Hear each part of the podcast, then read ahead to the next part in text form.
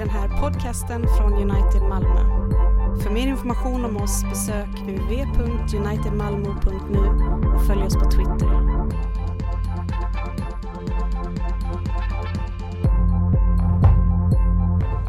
You are what you love. That's why the question, what do you want, is the most important question. But I want us to now face an uncomfortable realization. You might not love what you think. You are what you love, but you might not love what you think. This realization um, kind of manifested itself for me when I was watching a film by uh, the Russian filmmaker Andrei Tarkovsky. Anybody know? It's, it's worth watching. I know Bergman, blah, blah, blah, but yeah, yeah, yeah. Tarkovsky, Tarkovsky's good. Uh, Tarkovsky has this really uh, remarkable uh, film called, in English, we call it Stalker. Um, I don't know what Swedish would be. It'd be interesting to know because the word, even the phrase stalker, that sounds really creepy, like somebody's like sort of hunting you down, which isn't uh, um, quite the s- setting. Think of it this way. So here, here's this, the, the, the plot of the film is very, very simple, but very, very powerful. Um, it, the, the setting is a kind of post apocalyptic wasteland, right? A bomb, it actually looks a lot like Chernobyl. Okay, that's sort of the world. Imagine it as this bombed out, black and white, sad, devastated space. And there are three characters, three key characters in the film the writer, the professor. So I love this movie. Uh, the, when do professors get to star in a movie, right? The writer, the professor, and the stalker, who is really more like the guide. Does that make sense? The, the, the, the, the one who's going to lead them. And writer and professor come to Stalker because um, Stalker is the one who can lead them in this post apocalyptic wasteland to now a region, an oasis, so to speak, that's simply called the zone. The zone. But really, what they really want to get to is into the zone, and they want to reach a sanctuary within the oasis of the zone that's simply called the room. Okay, so Tarkovsky's not super creative in his names for things. Writer, professor, guide, the zone to get to the room. Now, why? What's going on here? Well, this is where you realize that the film is kind of a sci fi, fantasy, noir kind of mix. And the room is drawing them. It's the reason why they've come to Stalker. He's the one who can get them to the room because in the room, he tells them, they will achieve their heart's desire. In the room, all their dreams will come true. In the room, you get exactly what you want. Which is why, when they are on the threshold of this room, they finally make it. So, a lot of the film is sort of tracing this arduous journey that they are making through the wasteland into the zone. And then finally, they get to the very threshold of the room. It's the whole point of getting there. And all of a sudden, they begin to get cold feet. Does that, does that, do you have cold feet? They get nervous. Geoff Dyer, who's a British novelist and writer, has actually written a little book about this movie. The book is called Zona. You know you need a hobby when you're reading books about movies. You probably need a better life. Uh, um, but it's actually a really, Dyer is a, is a remarkable writer. And this little book, Zona, is fantastic. And I want to just read to you his description of this key moment in the film. They are in a big, abandoned, dark, derelict, damp room with what looks like the remains of an enormous chemistry set floating in a puddle in the middle. As if the zone had resulted from some ill conceived experiment that went horribly wrong. Off to the right, through a large hole in the wall, is a source of light that they all look towards. For a long while, no one speaks. The air is full of the chirpy, chirpy, cheep, cheep of bird song. It's the opposite of those places where the sedge has withered from the lake and no birds sing.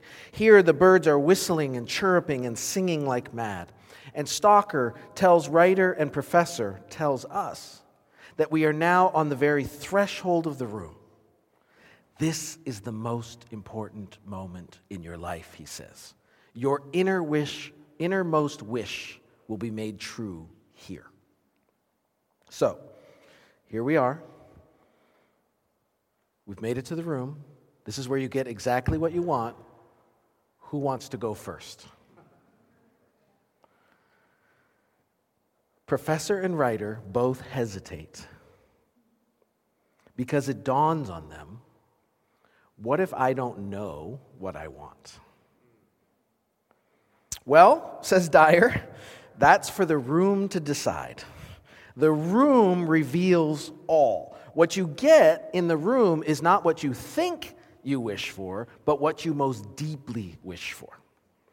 So now this disturbing epiphany is creeping up on professor and writer. What if they don't want what they think? What if the desires that they are conscious of, let's say the desires that they've chosen, aren't actually their innermost desires, their deepest longings? What if, in some sense, their deepest longings are humming on along under their conscious awareness? What if, in effect, they are not who they think they are? Now, I think many of us can identify with this worry. Now, if, if I ask you as a Christian to tell me what you really want, what you really, really want, do you know? You know? Globalization. Tell me what you want, what you really, really want. If I ask you to tell me what you most deeply long for, what you ultimately love, well, of course, you know the right answer. And, and, and by the way, I don't, I'm not saying that you're insincere. That is your intellectual conviction. I totally believe that. It's a true expression of your intellectual conviction. The question is do you want to step into that room? Are you confident that what you think you love aligns with your innermost longings? This, says Dyer, is one of the lessons of the zone. Sometimes a man doesn't want to do what a man thinks he wants to do.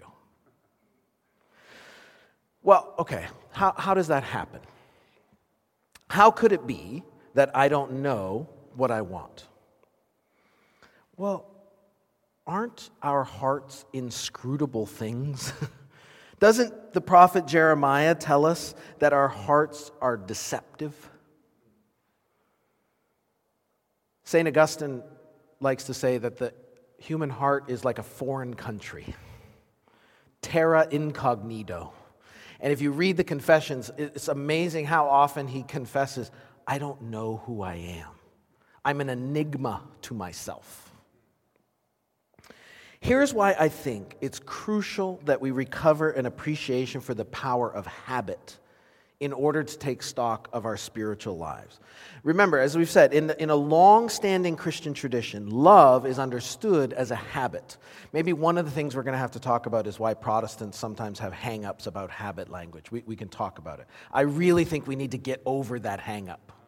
Because otherwise, what will happen is everybody else is going to be shaping our habits. We will already have lost because we've ceded our habits to the culture. So when we say that our love is a habit, I've said that that means our love is a virtue. It's a disposition that's woven into our character. Interestingly, when, when a philosopher like Aristotle or Aquinas would talk about virtues, they would often describe them as second nature. Is that a phrase that makes sense in Swedish? Second nature. So, why, why would we call a virtue second nature? Well, because it's, it, it mimics first nature. What is first nature? Biology, right? Uh, um, so take an example of uh, um, uh, all of us have been uh, sitting in this room successfully breathing without thinking about it. I mean, now you're thinking about it, but you, you weren't before. Right? And what I mean is, first nature, biology, takes care of something in that our inhaling and exhaling is going on under our conscious awareness. We're not sitting here thinking, thinking, inhale, exhale, inhale. No, no, no, no. First nature operates as a disposition. So when we describe habits, virtues, as second nature, what we mean is you learn love in such a way that now it is so woven into the fabric of who you are that you do it without thinking about it. That's actually the goal of sanctification is to be Christ-like in such a way that I do what Jesus would do without thinking about it.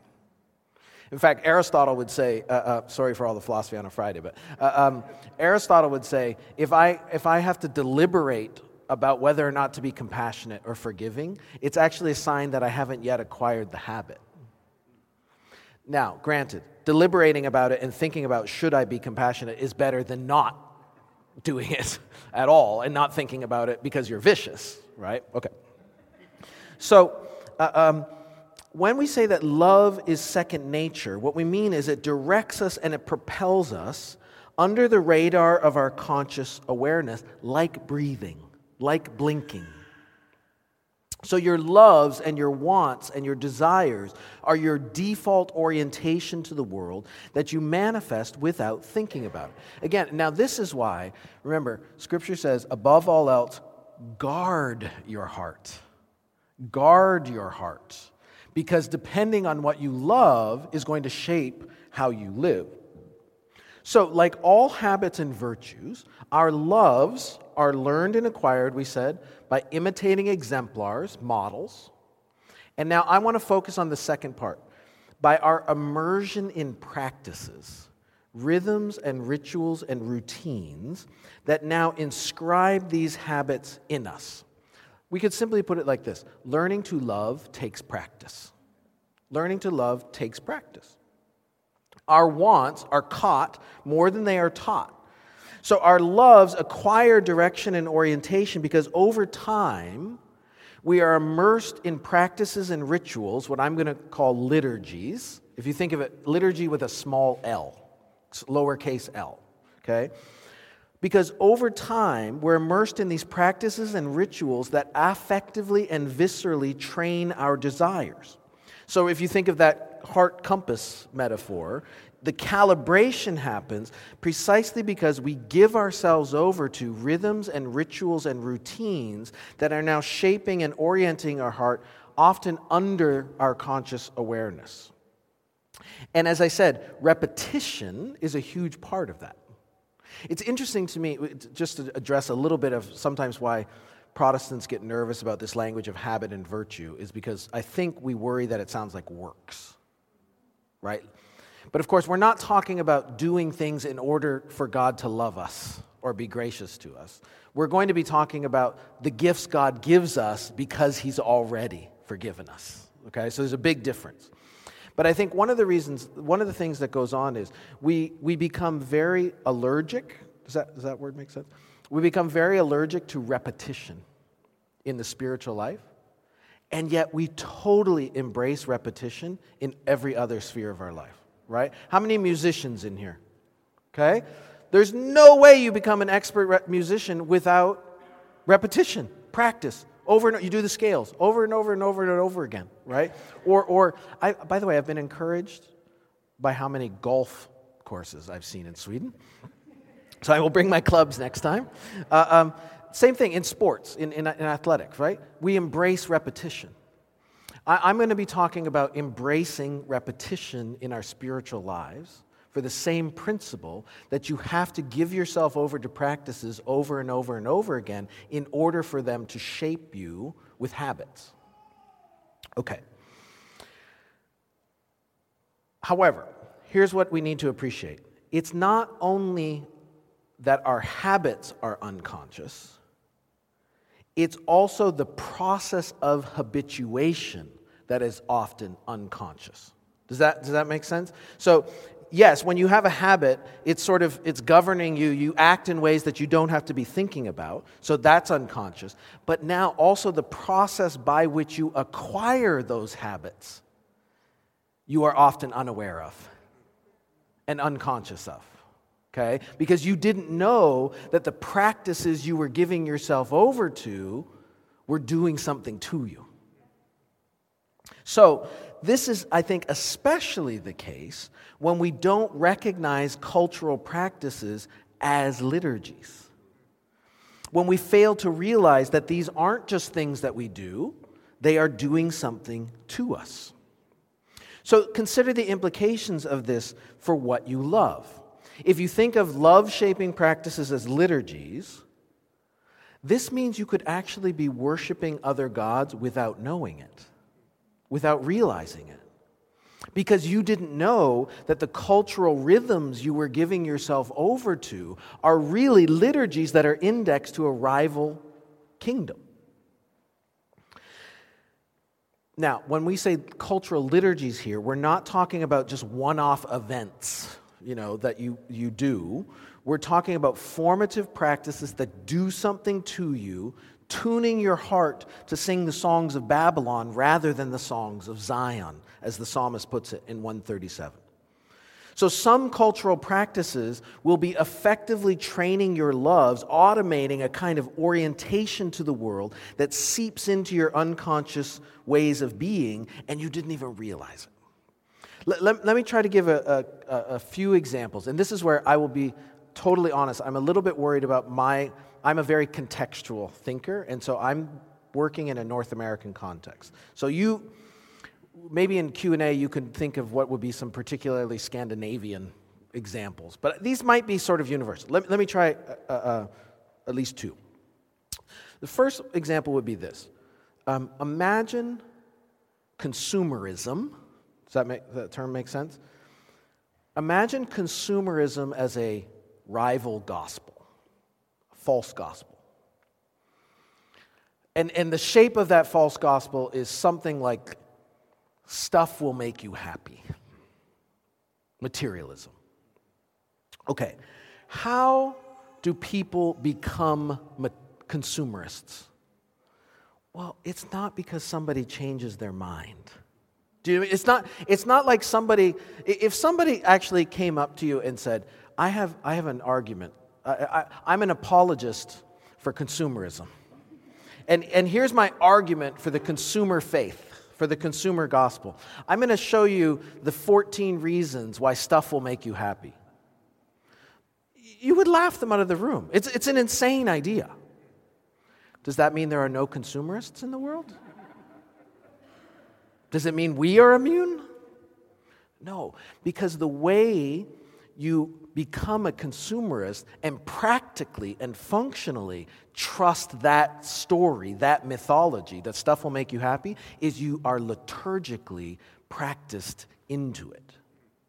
So that the mall is a cathedral, right? And when, when you, you shopping mall, does that, okay.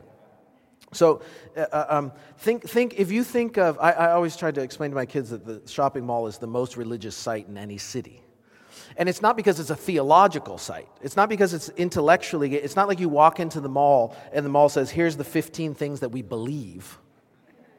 Because the mall doesn't want you thinking about anything.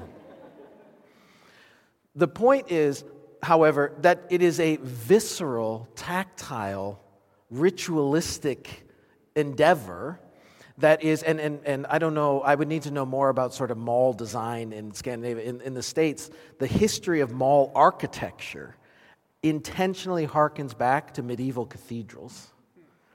And it creates these sorts of spaces for a kind of contemplation. So if you, if you think of, well, this is a Lutheran, but, uh, uh, um, so if, if you imagine, you know, you're in York Minster Cathedral or something, think of um, what is the, what's lining the walls of the cathedral in the windows are glass, color, stained glass, and who's in those?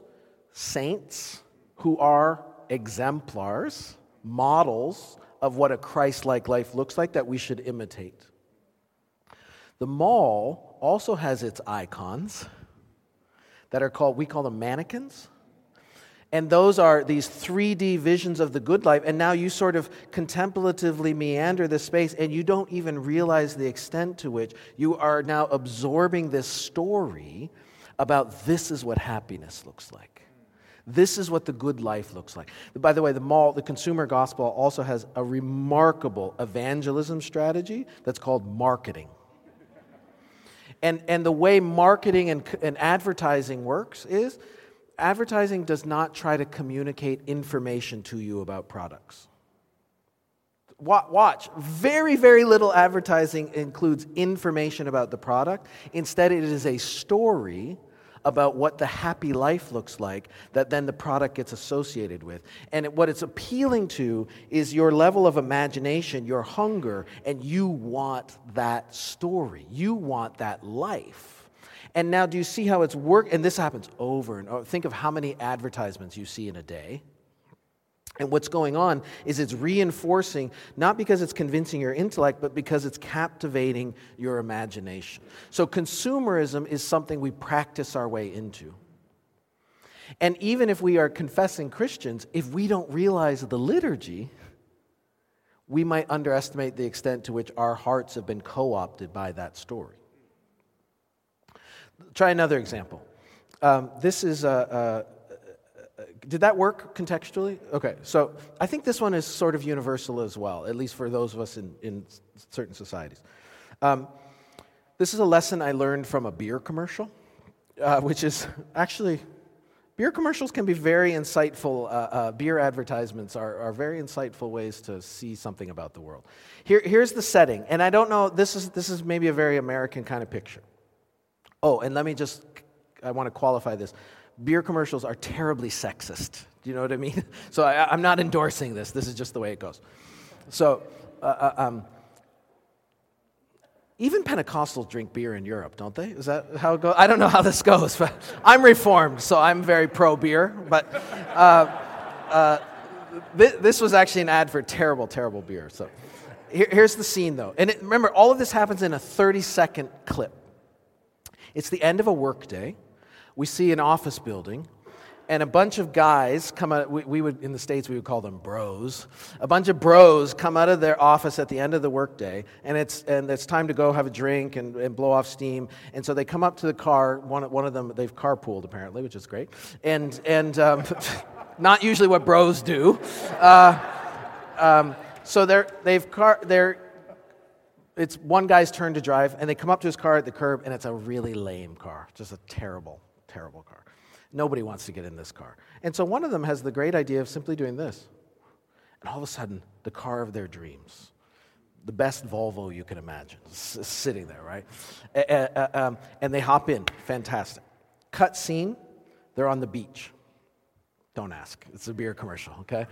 They're on the beach, and uh, off in the distance are some uh, young ladies and, but they're too far away to know whether they're interested in them or whether the ladies would be interested in them. And so who knows what the possibilities are here. And so one of them simply does this. All of a sudden, the young ladies are right here talking to them and they're drinking Michelob Ultra. So of course they love them and everything's great. Cut scene one last time. They're in the club. DJ's up on the stage playing some really lame music none of them want to listen to. And so again, one of them simply does this and all of a sudden they're playing exactly what they want to hear. Okay. So you see, right? What are these little micro rituals?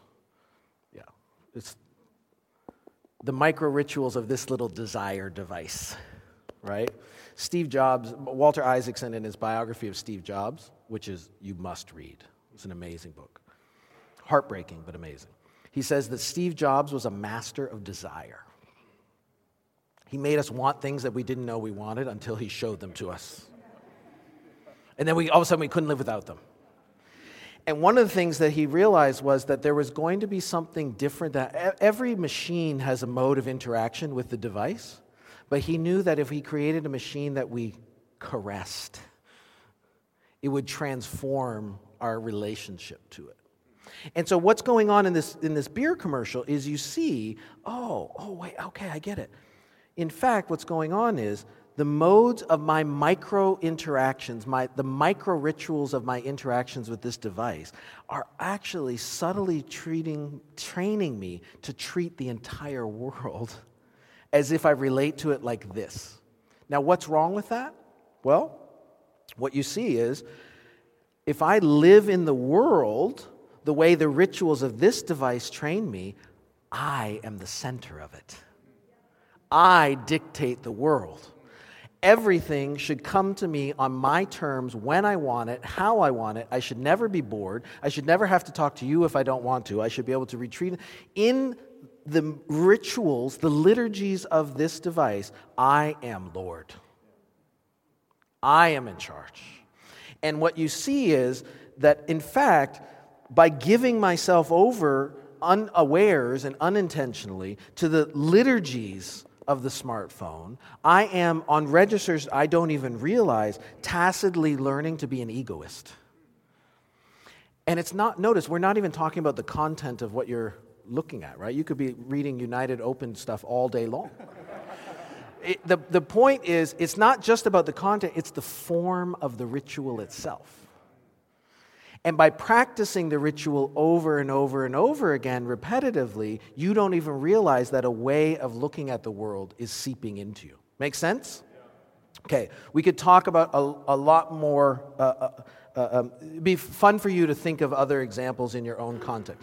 I think these secular liturgies, these cultural liturgies, are, I think, uh, um, highly contextual. I also think that they are very generational, if that makes sense. That is, the liturgies that you know a 47 year old white guy is, is subject to are very different to what a, an 18 year old uh, uh, African is, is subject to, right? It's just different context, different generations. So we need to honor that and be attentive to that. What, what I'm interested in us seeing is that these cultural liturgies aren't just something that you do, they're doing something to you. And what they can be doing to you ultimately is not just teaching you to think something, in fact, often they're not, they are teaching you to love something. And if you are what you love, then these practices are shaping your identity, who you are, and your sense maybe of whose you are. So, how can we counter those deformations of our loves? Well, you can't think your way out of them. Right? You can't think your way out of disordered loves. It requires rehabituation. We're talking about reformation of our loves. And one of the things, especially because I think a lot of you have leadership responsibilities and are engaged in ministry, this is the place where I want to suggest that one of the key callings of the pastor, of the priest, is to be an ethnographer of our cultural contexts for our parishioners. Now, let me explain it because that, that uh, ethnography. Uh, um, so, ethnography is, is the sort of um, cultural description that an anthropologist or a sociologist would engage in where what the anthropologist, you know, so you're, imagine you're an anthropologist and you're going to study uh, uh, some microculture in, in, in an Indonesian uh, uh, tribal context or something. As an anthropologist, the way you try to understand that context is not just by the, the things that people say or the ideas that they articulate, you try to read the practices that they are engaged in. You're, you are a, an ethnographer is a reader of rituals, an interpreter of rituals. And I think one of the callings of the priest and pastor is to be an interpreter of the cultural liturgies, the cultural rituals that our parishioners are called from. Immersed in, but also called from. And to, in a sense, help uh, uh, uh, our communities come to grips with the extent to which they've been giving themselves over to things that they didn't realize were doing something to them. Now, I think a first place to start to counter that disorder is to become aware of the everyday liturgies in our lives. And I'm going to call this taking a liturgical audit of your life. Audit, is that a, um, yeah? Okay, right. A liturgical audit of your life. Now, one way to think about this is um, it's really about trying to cultivate what I would call an apocalyptic angle on your life. Apocalyptic, so, uh, um, yes? Is this, uh, let, let me try this for a sec. So, the book of Revelation, last book of the Bible, is in Greek the Apocalypse. Now, what's interesting is it's, it's not, we now think of it, apocalypse as like Armageddon, end of the world kind of thing. That's not what apocalypse means. Apocalypse means unveiling, revelation, right? Unmasking, unmasking. So, in a sense, to say uh, uh, the apocalyptic literature of the Bible and to cultivate an apocalyptic, unveiling, unmasking angle on our culture is to actually try to see the culture for what it is, not the benign, neutral picture it presents to us. So, it, actually, if you look at in the book of Revelation, one thing that's going on there is the Roman Empire wants to sort of present itself as this peaceful, the Pax Romana, right? The peace of Rome, the pinnacle of human civilization, has all of these mythologies to tell about itself. And yet, what God gives John in the Revelation, it's almost like he, he takes John and he says, I'm going to unmask that so that you see, even though it wants to pretend to be beautiful and the pinnacle of human civilization, in fact, when you unmask it and unveil it, it's monstrous. It's a threat. See it with a new angle. And, and in some ways, I, now I don't want this, uh, we, we can talk about this. I don't, oh, okay. I, um, I don't want this to sound like a fundamentalist dismissal of the culture. It's just a new intentionality and awareness about what's at stake in our cultural emergence, immersion and participation, okay? And seeing with new eyes things that we thought were neutral and benign uh, um, are actually loaded liturgies. So, to take a liturgical audit of your life is, in a way, to try to like find a contemplative space to hit the pause button on your daily immersion, step back, and try to take stock of the rhythms and practices and routines of your life. Not just the things that you think about, but in fact, the things that you don't think about right? The things that you do without thinking about it and that you take for granted, and yet that you do over and over and over again. But one way to put it is this find some contemplative space to ask yourself what are the rhythms I give myself over to? What are the rituals I give myself over to? And then to ask these, which is really like asking what are the secular liturgies in your life? And then to ask yourself these critical questions what vision of the good life is carried in those practices? Or what, what story animates that practice? What does that, what kind of person do they want me to become? What, what kingdom are these rituals aimed at?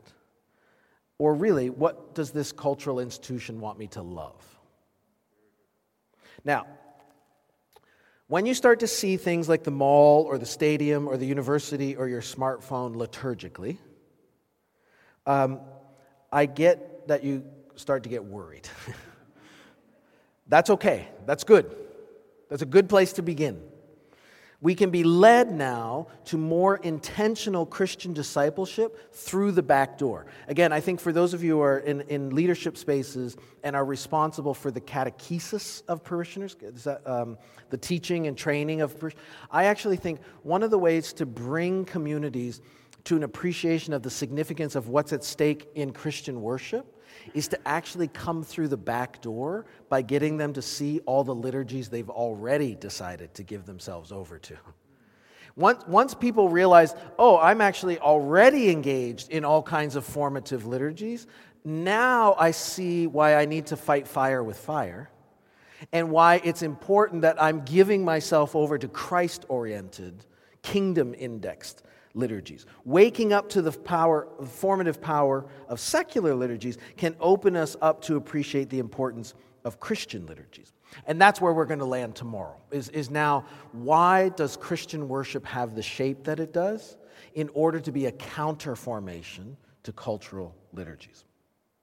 Uh, um, it's also, I think we we should be a reason for us to talk about tomorrow why you can't just import secular liturgies into the church th- why that w- is already losing the game. okay. So let's return to that opening scene from Tarkovsky. Given what we now know about how your loves and wants are shaped and calibrated by these cultural liturgies, we should ask the question again Do you want to step into that room?